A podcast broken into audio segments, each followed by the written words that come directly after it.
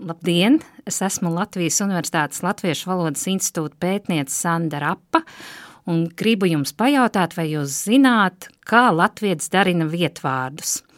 Latvija ir viena no vietvārdiem bagātākajām valstīm. Vismaz 18 vietvārdi, ja vietu nosaukumi sastopami katrā kvadrātkilometrā.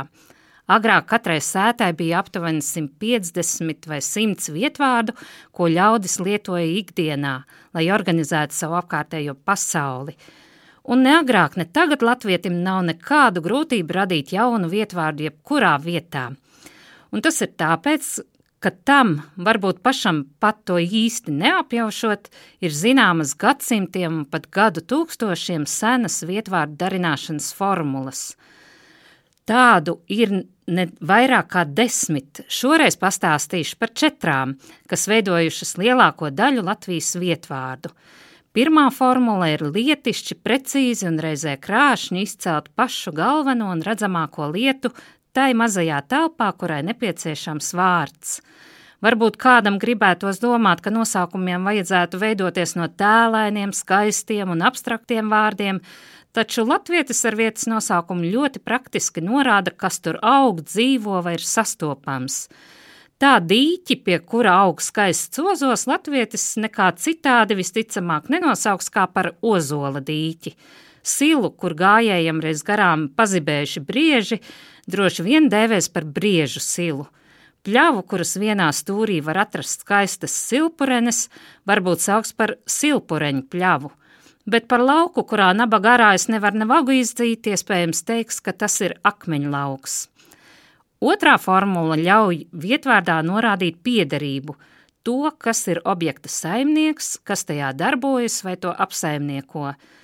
Tā attālu pļavu, kur pļauj Jānis, un kurai nekādu acīm redzamu pazīmi nevar pa gabalu noteikt, noteikti sauks par Jāņa pļavu.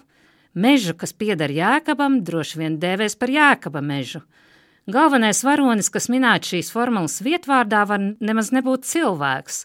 Tas var būt arī kādas apdzīvotas vietas nosaukums, īpaši kurzemē raksturīgi vietvārdi, kas darināti pēc tuvējo māju nosaukuma. Tā, piemēram, Čubulīšu mājām var būt gan čubulīšu pļavas, gan čubulīšu tīrumi, gan čubulīšu meži, čubulīšu ceļš, čubulīšu akmeņš, čubulīšu tīķis un pat čubulīšu peļķe. Trešā formula ļauj vietu nodēvēt pēc tās izskata, taču arī te neatradīsim izskaistinātus nosaukumus – Ja latvietis grib norādīt uz geogrāfiskā objekta izskatu, tas parasti iztiek ar vārdiem liels, mazs, garš, dziļš, augsts un tam līdzīgi, vai izlīdzas ar kādu metaforisku jeb uz ārējās līdzības pamata darinātu nosaukumu.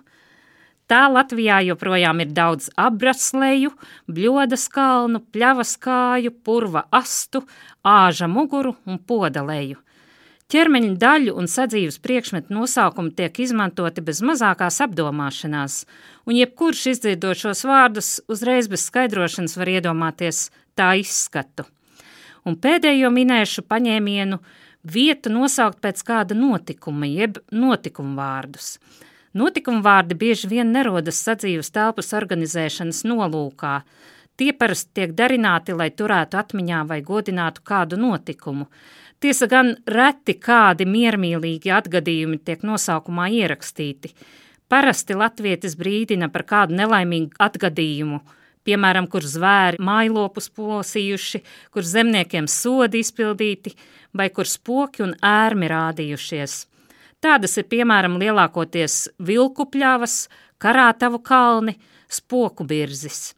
Šajos vietvārdos der ieklausīties, tie ir kā nerakstītas brīdinājuma zīmes un kā liela stāsta mazi virsrakstiņi, kuros var klausīties un klausīties bez gala. Ir jau vēl dažas vietvārdu darināšanas formulas, bet tās nu dien tiek reti izmantotas. Visbiežāk vietvārdos atradīsim šīs, kas, kā Jānis Enzelīns teicis, veido mūsu zemes arhīvu, kas stāsta par aizgājušiem laikiem – Šādi vietvārdi ir Latvijai raksturīgi un Latvijā iederīgi, un tieši šādi vietvārdi mūsu zemes un valodas ainavu dara tik skaistu un saprotamu.